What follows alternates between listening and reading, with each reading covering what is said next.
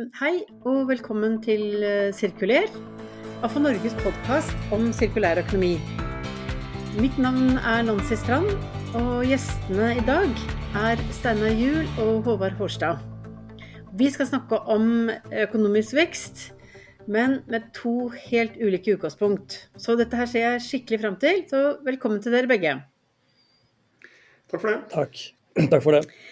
Vi kan jo forte oss å legge til at uh, denne podkasten uh, bygger egentlig på en samtale som vi hadde på AFO Norges år, uh, årskonferanse um, tidligere i, i, høst, i september. Um, og det må jeg bare si, vi fikk og egentlig dere, da, må jeg forte meg å legge til. Dere fikk veldig mange gode tilbakemeldinger fra deltakerne. Eh, så jeg fikk bare veldig lyst til å både gjenta litt av hovedpoengene, men eh, fortsette samtalen, eh, rett og slett. Så men la oss bare ta Begynne med å bli litt kjent med dere. Særlig for de som da ikke var på årskonferansen, og det kan jo være flere av lytterne. Så jeg begynner med deg, Steinar. Du er samfunnsøkonom. Og du jobber i den liberale tankesmien Civita, hvor du bl.a. jobber med økonomisk politikk og velferd. Eh, men du har jo en eh, lang eh, CV med en, en rekke arbeidsoppgaver i ulike deler av bank, Nordea, Norges Bank. Du har jobbet i Finansdepartementet, du har vært i EFTA-sekretariatet i Genéve, og du har vært personlig rådgiver for flere finansministre. Så dette er jo litt av en merittliste, eh, Steinar. Altså, er det noe du vil trekke frem her av det som du har jobbet med, som virkelig har uh, formet deg? Ja, jeg, når jeg tenker meg litt om, for det er jo mange ting egentlig, men la meg ta, ta tre ting. Eh, det, det ene er at de på 80-tallet fikk oppleve å være med på det som var på en nokså stor omlegging av politikkområdet i Norge, med, med, avvikling av mange reguleringer, og mer basert på at man gikk over til uh, markedsprinsippet på mange områder. områder. Uh, og det andre er uh, at jeg fikk være med på, gjennom at jeg jobbet i EFTA-sekretariatet, være med på Eh, forhandlingene om å skape noe nytt, nemlig EØS-avtalen.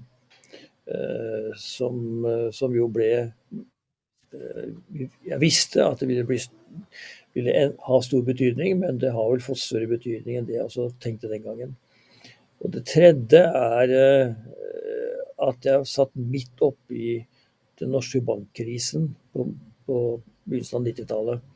Kom hjem fra Genéve og datt rett opp i begynte i en bank som da gikk konkurs en måned etter at jeg hadde begynt der. Eh, som var en eh, opplevelse på den måten at jeg har veldig stor respekt for gjeld.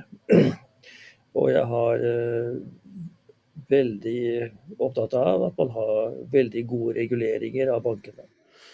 Ja, ikke sant. Altså, jeg tenker jo litt uh, på en måte den, den historiske utviklingen som, som, du har vært med på, da. Det er jo en god del av de tingene som vi tar som en selvfølge i dag. Altså tenk på avreguleringene av si, alle verkene fra Televerket og, og det, var, det, det, er mange eh, institusjoner i samfunnet som, som eh, ble avregulert på den, på den tiden. Eh, så, mens i dag tar vi det for gitt at det på, mm. på, de aller fleste områder er en betydelig grad av, av konkurranse osv. Og også på en måte i de, det som vi tidligere definerte som tydelige offentlige oppgaver. Mm. Så uh, veldig interessant å høre litt om deg, uh, deg Håvard. For du har et litt annet utgangspunkt. Um, du er professor ved Universitetet i Bergen, og du leder et uh, senter for klima- og energiomstilling. Og dere jobber mye med tverrfaglig samfunnsvitenskapelig forskning. Og mye av utgangspunktet er jo nettopp at samfunnet skal omstille seg. Um, så, så, kan ikke du si litt om det arbeidet som, uh, som du leder på det senteret? Ja, altså det er jo et uh, tverrfaglig senter, så vi jobber jo med, med ganske mange ulike vinklinger, ulike perspektiver. Uh, og det, så Tanken vår er jo på en måte at for å forstå liksom, kompleksiteten i omstillinga, så må du ha forskjellige perspektiv. Sant? Du må gjerne ha økonomi, du må gjerne ha statsvitenskap, sjøl samfunnsgeograf. Så det at de ulike perspektivene brytes imot hverandre, det tenker vi er nødvendig for å få god, eh, god, forskning på omstilling og forstå omstillingen på en god måte. Ja. Du, du nevnte rett før vi startet her at, eh, at, dere skulle flytte til nye kontorer og at dere vokser. Altså, så hvor mange, hvor mange, er det som jobber ved det senteret nå? Altså, vi har en uh, kjernegruppe på et uh, par og 20 forskere som jobber hos oss. Og så, vi, så fungerer vi også som en slags sånn, en hub for uh, egentlig alle forskere på Universitetet i Bergen og noen andre institusjoner i, i, i Bergen som jobber med samfunnsvitenskapelige perspektiver på, på, på, omstilling. Og I det nettverket så er det kanskje rundt ja, 70-80 forskere som er, som er, involvert. Så da skal vi inn i nye kontorer. Ja. Det, blir veldig, det blir veldig gøy. Ja, så, så, bra. Altså jeg tror det, det, det var vel det er, det er, sånn jeg opplever når jeg snakker med dere, så har dere både vært med på og vi står jo, Samfunnet står jo midt oppi en, oppi en, eh, en, en stor omstilling. Og, og, jeg tror vi må altså Steinar, kan, kan, ikke du begynne? Vi må ha et lite grunnkurs i, i samfunnsøkonomi her. altså hva hva legger du i begrepet økonomisk vekst, og, og hvordan oppstår eh, økonomisk vekst egentlig? Ja, det er eh, Økonomisk vekst er i grunnen noe menneskeheten eh, har hatt de siste 200-250 årene. De, de tusenvis av årene vi hadde før det, så var det ingenting. I hvert fall veldig, veldig lite. Så det er liksom noe nytt som kom. Eh, for, for, vel 200 år siden. Eh, det, det, har sammenheng med at eh, det, er flere ting som bidrar til vekst. Men det viktigste er at vi blir flere mennesker. Og at vi er flere mennesker som da jobber. Og så bestemmes økonomisk vekst også av hvor lenge vi jobber, altså mange timer. Det er sånn de tre faktorene. Altså hvor mange mennesker er vi, hvor mange er som er i arbeidsdyktig alder, og hvor, mange er, hvor lang tid jobber vi. Eh, og så er det en sånn udefinerbar eller vanskelig definerbar faktor som heter produktivitet eller effektivitet, eller hva man kan kalle det. Altså at vi gjør ting på en smartere måte eh, neste år enn vi, gjorde, enn vi, gjør nå. Så det at, det at vi har hatt en kraftig befolkningsvekst har bidratt til økonomisk vekst. Eh, og at vi har hatt en industriell revolusjon og etter hvert eh, digitalisering og nye måter å gjøre ting på, har bidratt til økonomisk vekst. Slik at hver enkelt time som vi jobber, så får vi produsert mye mer nå enn vi gjorde for 10 år siden, 20 år siden, 30 år siden osv. Og det, det med effektivitet er ikke noe som eh, er ikke noe som noen bestemmer, men det er noe som bare blir sånn. De fleste av oss syns det er veldig greit å prøve å, gjøre ting på en mer effektiv måte, gjøre ting på en lurere måte enn det vi har gjort før. Eh, konkurranse mellom bedrifter gjør også at eh, den ene bedriften tenker som så, nå skal jeg gjøre ting på en litt lure måte enn konkurrenten min, og da få ned kostnadene, og kanskje jeg greier å produsere, produsere noe annet også enn konkurrenten min. Eh, så det ligger en, en sånn eh, eh, insentiv til å prøve å, å, gjøre ting på en lurere måte, nedfelt i de fleste av oss, og også så drives av, av at det er konkurranse mellom bedrifter. Mm, ja. Eh, så, og, så, så, vekst er ikke noe som altså, Vekst er noe som kommer av tusenvis, millionervis av desentraliserte beslutninger. Det er ikke noe som besluttes verken Storting eller FN eller noe annet. Det er, det er en konsekvens av enkeltbeslutninger hver enkelt av oss mm. gjør. Du, altså jeg hang meg litt opp i dette her med at, uh, dette med at økonomisk vekst den, den, blir ikke vedtatt. Altså det, det, det, som du sier nå, ikke sant? at det er, det er resultatet av en hel, eh, hel rekke desentrale beslutninger. Men, men for en ikke-økonom som meg, da. Det oppstår liksom et lite sånn forvirrende punkt, og det er jo at når politikere snakker om at vi må jo ha økonomisk vekst, så har de et språk som for meg betyr at det er en politisk beslutning å vedta vekst. Men det mener du, det mm. mener du at det ikke er? Nei, det er ikke det. Eh, og de, kan, de, kan, de har ikke noe makt i det. Men, men, men, de fleste politikere eh, har nok et ønske, eller har et ønske om at det skal være vekst. Fordi, eh, fordi de vil at vi velgere skal være fornøyde og ha en, ha en inntektsutvikling som er positiv. At vi kan kjøpe litt mer neste år enn vi gjorde i fjor. Eh, det er det ene. Og det andre er også at de gjerne skal ha litt mer skattepenger inn til ulike formål som man har eh, på sine programmer.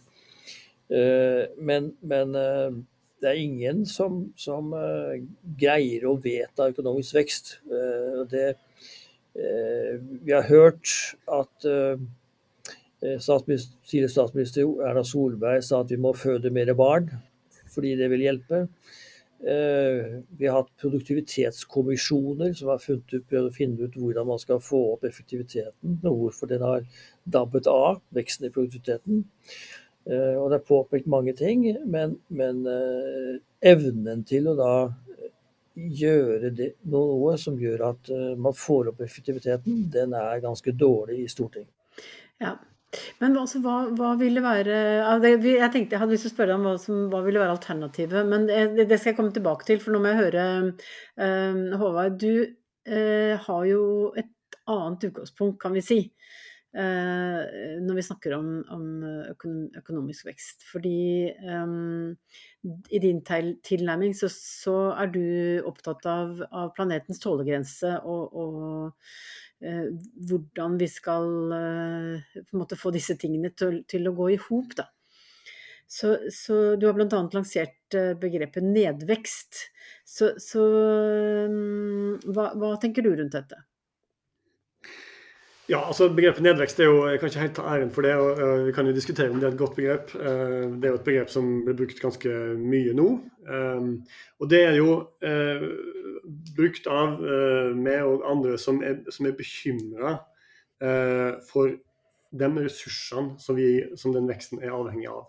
Altså Det som Steinar beskriver her om utviklinga de siste 200-250 åra. Altså det er jo Ehm, det er jo klart, det her er jo ting som har eh, gjort veldig mye positivt for menneskeheten og gitt oss veldig mye velferd, veldig mye utvikling. Eh, det henger tett sammen med, med at vi har bedre kunnskap eh, som vi bruker til medisiner, forlenge liv, forbedre liv. Enormt mye positivt med det. Men så ser vi, hvis vi ser, tar et skritt tilbake og, og ser på hvordan vi, menneskeheten, utnytter ressurser Eh, og eh, nå er i ferd med å overskride flere av planetens tålegrenser, så er jo det ganske bekymringsverdig. Eh, så Det er på en måte min inngang inn i det her. Det er ikke at nå skal vi bli fattige, men at, men at er det her noe som, er, som planeten tåler? Kan det her fortsette? Hva skjer vi, hvis vi fortsetter å vokse og vokse og vokse? Det ser ut til at altså, Vi enkeltindivider vi, vi, liker jo veldig mye av den, den, resultatene som kommer av den veksten. Men jeg, jeg jo samtidig at, at vi har jo ikke helt sånn magemål heller da, som individer. altså vi, vi har jo enormt mye mer nå enn på 80-tallet. Selv om vi på 80-tallet da jeg vokste opp hadde gode liv. Og nå ser vi fremover og vi vil ha enda mer. Så det så resultatet av alle de små beslutningene som Steinar snakker om, altså er det noe som planeten kan uh, tåle. Eh, det er mitt utgangspunkt, og der er jeg sterkt bekymret. Mm, ja, og den, den, altså FN snakker jo om en sånn trippel uh, krise for planeten i form av natur og forurensning og klima. Og, og, så det er jo uh, mange som deler den bekymringen. Um, men, uh, men Steinar, som, som, som, økonom her, da.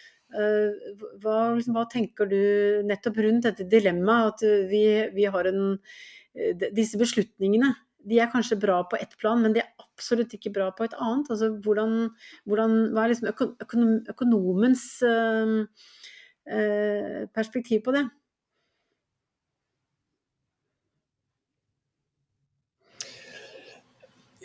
Ja, jeg, jeg tror vi kan eh, ha en høy velstandsnivå, kanskje økonomisk vekst også. Det, det er litt vanskelig å si enda. Også med mindre å bruke være mindre skadelig for naturen og for, for klimaet i årene fremover. Så det krever bare at vi må Eh, forbruke ting på en annen måte, forbruke mindre av det mest skadelige, eh, så vil, så vil, så, så vil det kunne avhjelpe situasjonen mye. Men, tror, men, egentlig så tror jeg det er altså Vi er der vi er nå. Eh, vi er, er det, er det 9 milliarder personer. Så, og det er kanskje det, det, kanskje det største hovedårsaken til klimaproblemene eh, er vel så mye at vi er veldig mange mennesker på jorden. Eh, og at vi da beslaglegger større arealer enn eh, en, en man gjorde man, da man var halvparten eller færre enn det. Så vi har jo hatt gjennom Så må man bare forholde seg til at vi mennesker, ja, vi kommer til å prege naturen. Vi, vi setter vårt fottrykk på naturen og omgivelsene våre. Eh, det er ikke til å unngå, men vi må gjøre det på en måte at vi ikke, at vi ikke eh, ødelegger for fremtidige mm, generasjoner. Mm, ja. Eh, hva tenker du om det, Håvard? Jo, altså, Det er jo ikke feil selvfølgelig å si at uh, befolkningsvekst og at det at vi er mange mennesker er en, en viktig faktor her. Men uh, det som jeg tror er viktig å, å, å, ta med seg, er jo at er jo, forbruket er jo veldig skjevt fordelt. Uh, så, så altså en person i, gjennomsnittsperson i Bangladesh har jo et helt annet økologisk fotavtrykk enn en person i Norge eller en USA. Sant? Eh, så, um, så, det handler jo på en måte om hva slags liv vi lever. Det er jo ikke sånn at én person automatisk har et visst fotavtrykk. Det handler om hva slags liv vi lever, hva slags forbruk vi legger opp til. Uh, og der tenker jeg at, at klart Eh, eh, så Du var innom det her med kan vi vokse på en bedre måte. Det hadde vært veldig fint. Jeg er litt i tvil om det er, eh, er mulig. Fordi, og Det er et ganske risikabelt veddemål å, å, å, gå inn på. Og, og, altså Vi har jo en økonomisk modell i dag som veldig legger opp til at vi skal fortsette å vokse. Og, og, nedvekst har jo ikke en økonomisk modell. Jeg kan ikke sitte og slå i bordet med en oppskrift og her er modellen, og, eh, og sånn skal vi gjøre det. Og, eh, og, når man begynner å gjøre det, så begynner folk å, selvfølgelig å nevne kommunisme og den type ting. Eksperiment i historien som ikke har gått så bra. Eh, så det er ikke det er klart, det er ikke det, er ikke det jeg nødvendigvis mener. Men jeg syns det er eksempler med at med at en, en person i ett sted i verden, f.eks. Ja, jeg nevnte jo Bangladesh og Norge, har et helt annet type fotavtrykk. Det viser jo at, at livsførselen Uh, til den enkelte uh, har veldig mye å si for, for hvordan det her eh, kommer til å gå. Mm, mm. Men altså, uh, du nevnte jo bankkrisen på 90-tallet, Steinar. Og, og det, som, det, som, vi også kan ta en liten eh, tilbakeblikk på, er jo, er jo finanskrisen i 2008-2009. Og, og, vi er kanskje inne i noe som ligner nå, i den forstand at folk er bekymret. De, de, øh, nå er vi midt inne i en julehandel, folk tenker å kjøpe mindre. Og så blir økonomene bekymret fordi at vi ikke Altså forbruket stopper opp. Og det, er, det, er, det er noen dilemmaer her. Vil du, uh, vil du være enig i det? Mm, Steinar, du tenker um... Ja, det er noen dilemmaer her. Eh, det er noen dilemmaer her. og det, er altså, si, Brå skiftinger i økonomien er alltid komplisert. Fordi du fordi man greier ikke å omstille arbeidskraft eller personer til en, til en ny situasjon i løpet av bare eh, noen måneder, eller for så vidt et år eller to heller. Det, det tar tid. Så det å få til en, eh, en, endring i hvordan vi bruker penger, og hvordan vi bruker hva vi bruker penger på, gjort om strukturen på hvordan vi produserer varer og tjenester, det tar mange år. Eh, og det eh, Og vi, vi, vi er absolutt eh, ikke frampå der. Men jeg, jeg, tror vi kan få til mye ved å gjøre det dyrere å forurense. Det er liksom økonomenes eh, råd nummer én. Å gjøre det dyrt å forurense. Punktum finale ved hjelp av avgifter. Eh, og det, der er det dessverre for tiden liten politisk vilje til å gå, gå løs på det. Og, og det er uh, upopulært.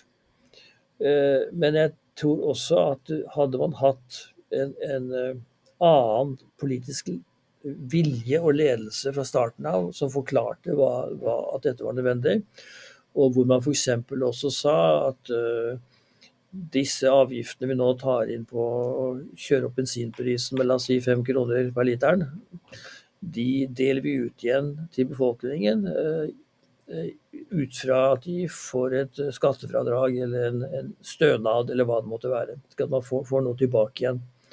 Så ville, sånt, så ville det hjulpet, gjort det mye enklere. Eh, så det, det gjelder på en måte å lage ordninger så folk kan akseptere det, og slik at ikke det ikke blir en umulig situasjon for det enkelte husholdning. Eh, og, at man må få tid til å områ seg. Eh, og det må da legges til rette for at man kan områ seg. Eh, og det syns jeg er ikke veldig mye trykk på for tiden å gjøre det. Så jeg er nokså skuffet over, over, over det som vi har sett av politisk vilje til, til, til, å sette inn ting for å, for å, for å få ned klimaavtrykket vårt. Og det, eh, vi, vi, ser jo at ulike land har ulik grad av eh, klimautslipp. Veldig forskjellig. Jeg tror, tror jeg husker, I farten så, har, eh, så er utslippene fra, i Sverige f.eks. en fjerdedel av det du ser i USA. Så det er en veldig forskjell. Eh, mellom land. Eh, og flere land har greid å få ned utslippene sine og allikevel hatt økonomisk vekst, mens andre land har ikke det. Så, det, så det, det, at det er store variasjoner, er, indikerer at det er mulighet til å få det til hvis man jobber systematisk og langsiktig. Tid er jo helt åpenbart av en, av en, av en stor betydning her. Men, men, men Håvard, dere, du, du, du, sitter jo midt i et, et senter for omstilling. Så vi, går vi i retning av eh, mye mer drastiske endringer enn det, enn det Steinar beskriver her som en, en, en måte å, å jobbe videre på? Altså Det er jo lett å se på eh, den naturvitenskapelige klimaforskningen og si at det er nødvendig. og vi må gjøre, altså det, er jo, det er jo på en måte FNs klimapanels for eksempel, da, eh, sitt, eh, sin tydelige melding at her må vi handle veldig mye fortere enn det vi gjør. Så det er vi på en måte um, klar over. Men, uh, og jeg er helt enig i at, at forurensning bør koste, og det burde, um, det burde vært et viktig tiltak. Ehm, det vi har vært litt opptatt av, eh, vi har et par prosjekter på det nå, det er jo ehm, den motstanden som faktisk vi ser eh, har kommet mot jeg vil kalle relativt moderate, moderate avgiftsøkninger, la oss si bompenger f.eks. Eh, der vi har sett en voldsom motstand. Og Det kan jo ha med at de har blitt innrettet på feil måte. altså At folk ikke helt forstår ikke, Politikerne viser ikke koblingen mellom hvorfor skal vi ha bompenger og hva er nødvendigheten av det. Eh, noen kjører bil og betaler bompenger, mens andre uh, kjører bussen og får subsidier betalt av bilistene. Og det, der oppleves urettferdig. Så, så, det er klart uh, uh, der, Det der er kompliserte ting som jeg er helt enig med at vi må inn der, men, men jeg tror nok også at eller nylig erfaring har jo vist at det der er komplisert å få til på en effektiv og rask måte. Mm. Men det som jeg tror også, eh, og I tillegg til det som, eh, som Steinar sier om, om avgifter så, altså Jeg tror det at eh, en del av, av, måten å få til omstilling på, er jo å um, det, det, vil, det, du fremhever her nå, Steinar, vil jeg kalle uh, pisk. Og det tror jeg er nødvendig. Men det er jo noe med at um, at omstilling og en, en, annen måte å leve på kan jo være ganske positivt. og Det kan være ganske bra, og det kan bygge videre på mange ting som vi allerede gjør i samfunnet, og som vi syns er, er, fint og flott. Altså Jeg tenker på f.eks. fellesskapsløsninger på ulike, på ulike, måter. Altså kollektiv innenfor transport. Vi har jo kollektivtransport. Um, bygge, bygge, videre på det. Jeg tror innen bolig er et kjempestort, uh, kjempestort uh, potensial for at folk i større grad bor sammen i ulike faser av livet. Dele på ting, ikke sant. Uh, dele på areal. Um, der har det vært noen interessante eksperimenter. Vindmøllebakken i Stavanger f.eks. Um, så, så det handler om altså Jeg tror en, at i livene våre så har vi noen, noen, vi har noen interesser, noen ting som går imot at vi er interessert i vekst og vi er interessert i liksom, individualisme. Og så har vi andre deler av oss som er på en måte retta inn mot fellesskapsløsninger og, og, deling og ting som ikke er så konkurranseprega. Jeg tror å bygge opp om det siste, um, det tror jeg er, er, ville vært stor, stor, eh, stort skritt i riktig retning og, og, vært noe som faktisk hadde kunne forbedre livene våre. Mm. Men altså, Da har jeg lyst til å pense dere inn på sirkulærøkonomi. fordi det er jo Spørsmålet her er jo, er jo, hvilken rolle kan da Og da tenker jeg sirkulærøkonomi i bred forstand. da, så Én ting er at vi klarer å, å, å drive ombruk og, og materialutvinning og holde ressursene lenger i, loopen, men også en en altså delingsøkonomi, som du er inne på. ikke sant? Altså at um, etter hvert som befolkningen blir eldre, man trenger ikke å bo i store hus og leiligheter, man kan bo i, i små leiligheter og heller dele på felles arealer til, til sammenkomster og overnattingsgjester og hva det måtte være. Denne type løsninger er jo Jeg vet ikke om jeg vil si på full fart, men den er i hvert fall i utvikling. Så, så først til deg, Steinar. Altså, hva, hva, hva, tenker du om sirkulærøkonomiens måte, plass og betydning eh, i, kall det, i forhold til den mer tradisjonelle økonomien? da?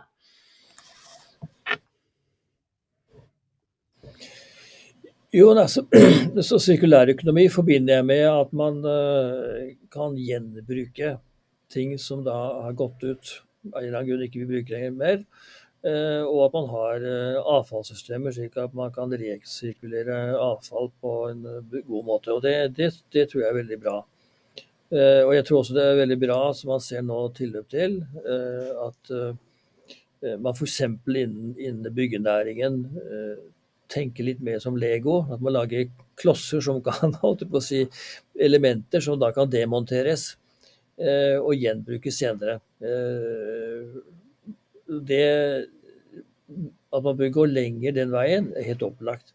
Og at man også må få gjort mer for at, at produkter ikke er så integrerte at hvis, en, hvis en liten type dutt ryker i TV-en, så ryker hele TV-en. Men at det er elementer du kan ta, plugge inn og plugge ut. Uh, på en helt annen måte enn det som er tilfellet i dag. Uh, det, det, det er Og det krever Eh, det krever at man må belønne produsentene for det, og det må krever at, må, at de har insentiver til å gjøre det, enten og eller reguleringer. Og at vi som, vi som, forbrukere må oppmuntres ved hjelp av prisingen til å kjøpe den type produkter.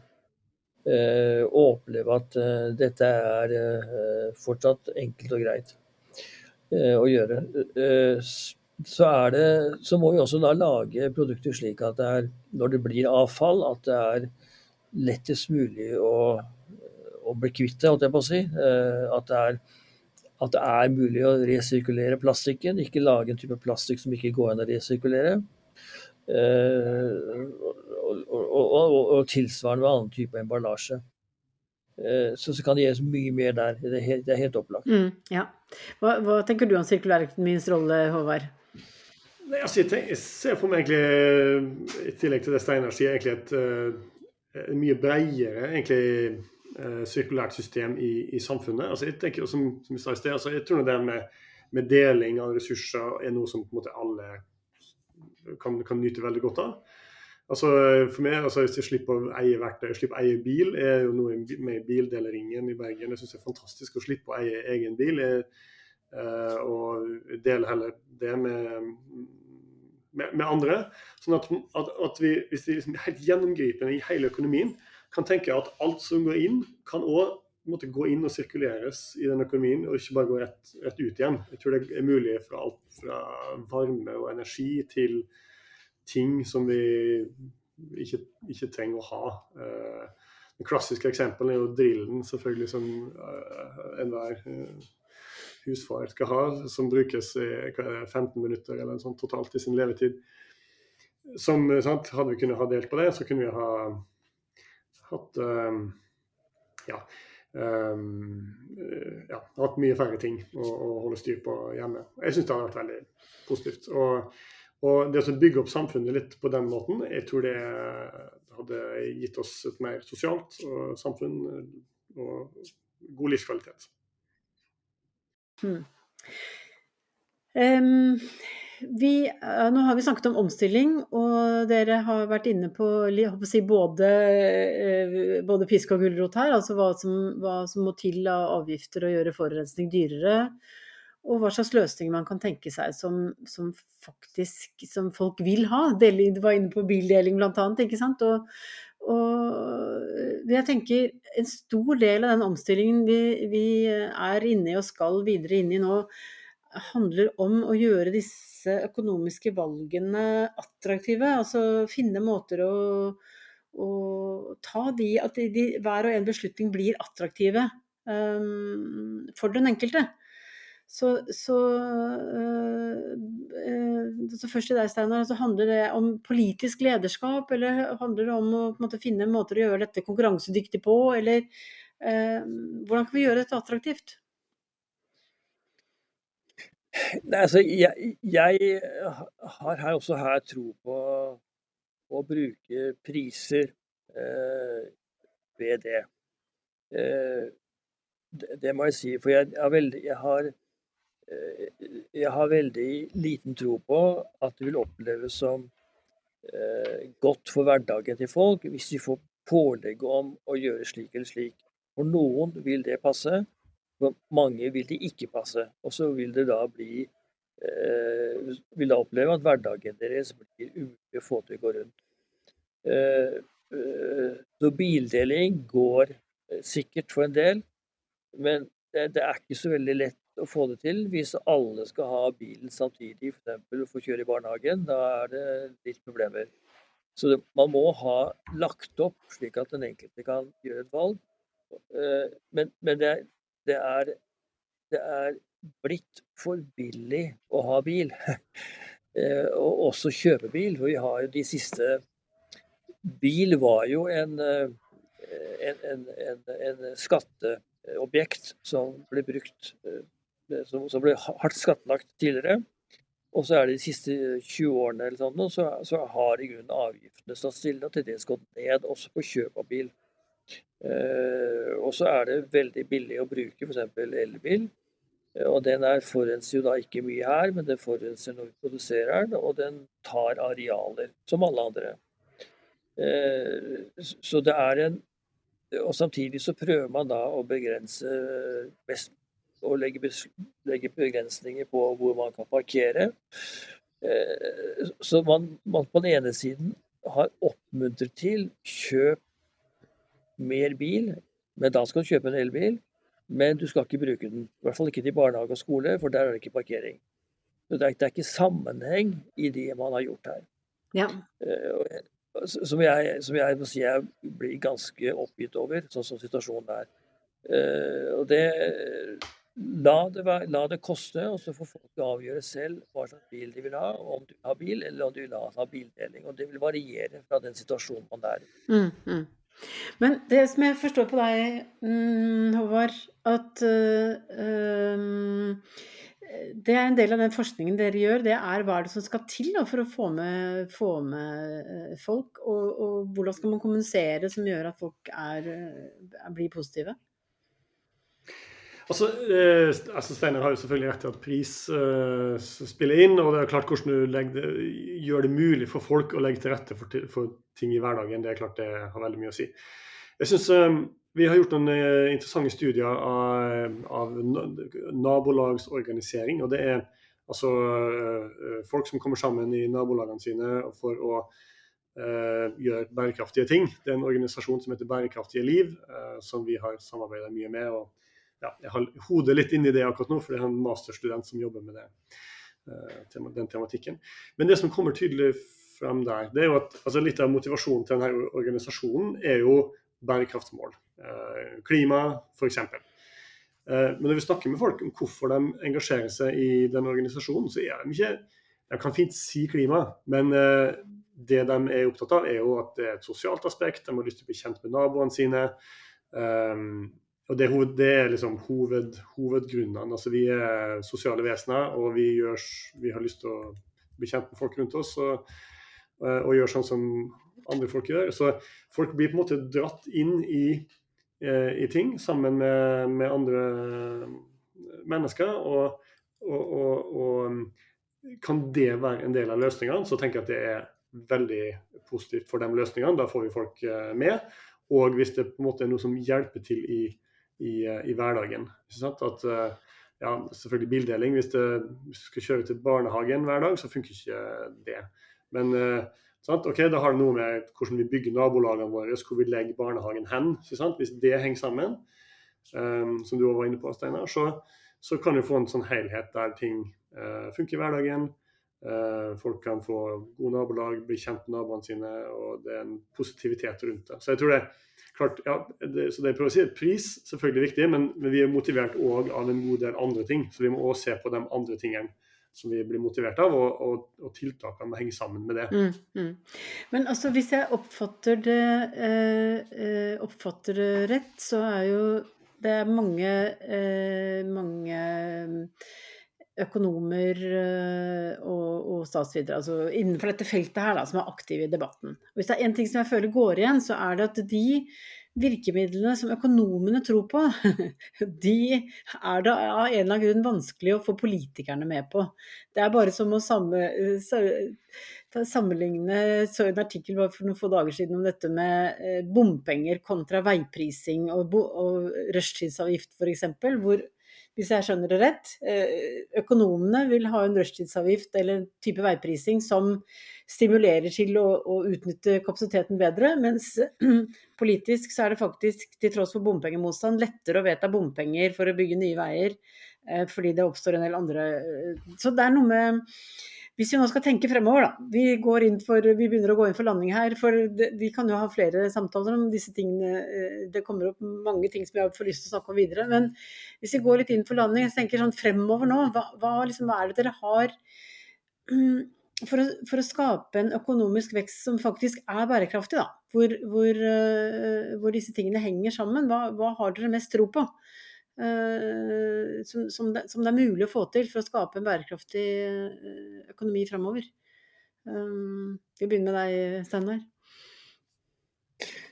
Ja, altså, altså jeg, jeg, vil ikke sette uh, altså økonomisk vekst uh, som et mål, egentlig. Uh, økonomisk vekst er en konsekvens av de handlinger vi gjør. Og hvis vi nå i en periode vil skal ha en stor omstilling, som vi bør ha, så kan det godt være at i den perioden, la oss si 10-15-20 år, eller hva det måtte være, så vil økonomisk vekst være null, eller det kan godt være negativ også noen år. Vi har f.eks. de siste to årene så har vi hatt en eh, negativ utvikling i produktiviteten i Norge.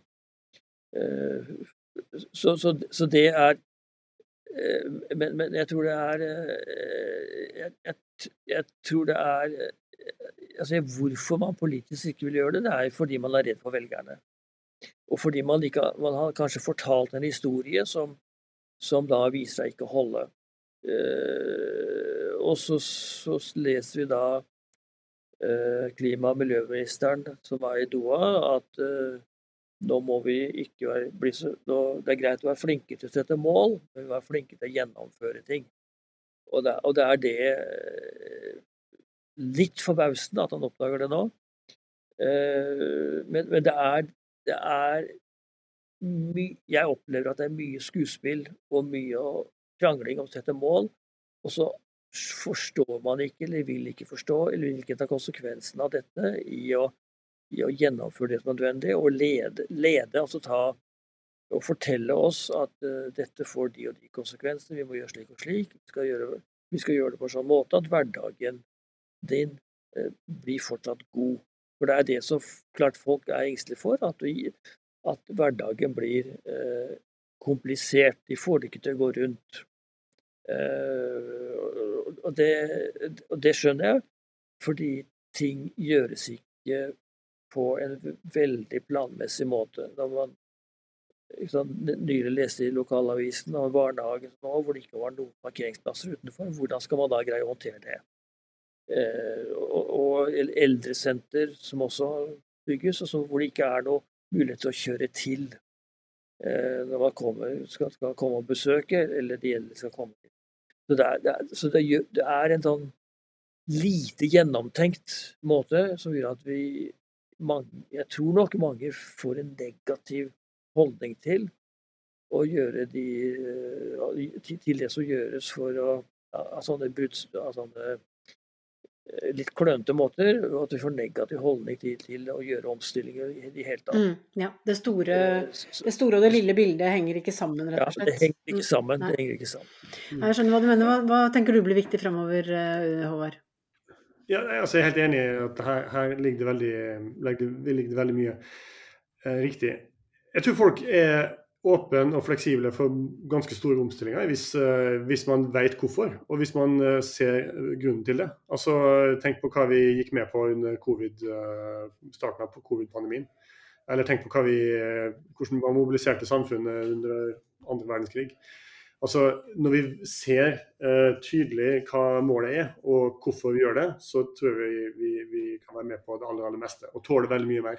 Jeg tror det er sånn eksempelet med bompenger det er for at folk har ikke forstått hvorfor man plutselig skal betale bompenger, og, og hvor går pengene hen, og hvor de går til noen andre enn meg. Men så hvorfor skal jeg betale? Det, den fortellingen finnes ikke.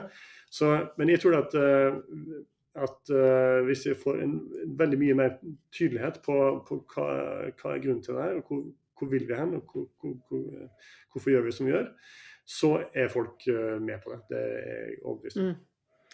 Du, da må jeg bare si tusen, uh, tusen takk. Det, jeg er veldig glad for at uh, vi uh, i en litt dyster ramme, som vi må kunne si at vi har for tiden, ender på en positiv note. Og dere med hvert deres utgangspunkt ender jo opp med å være ganske enige.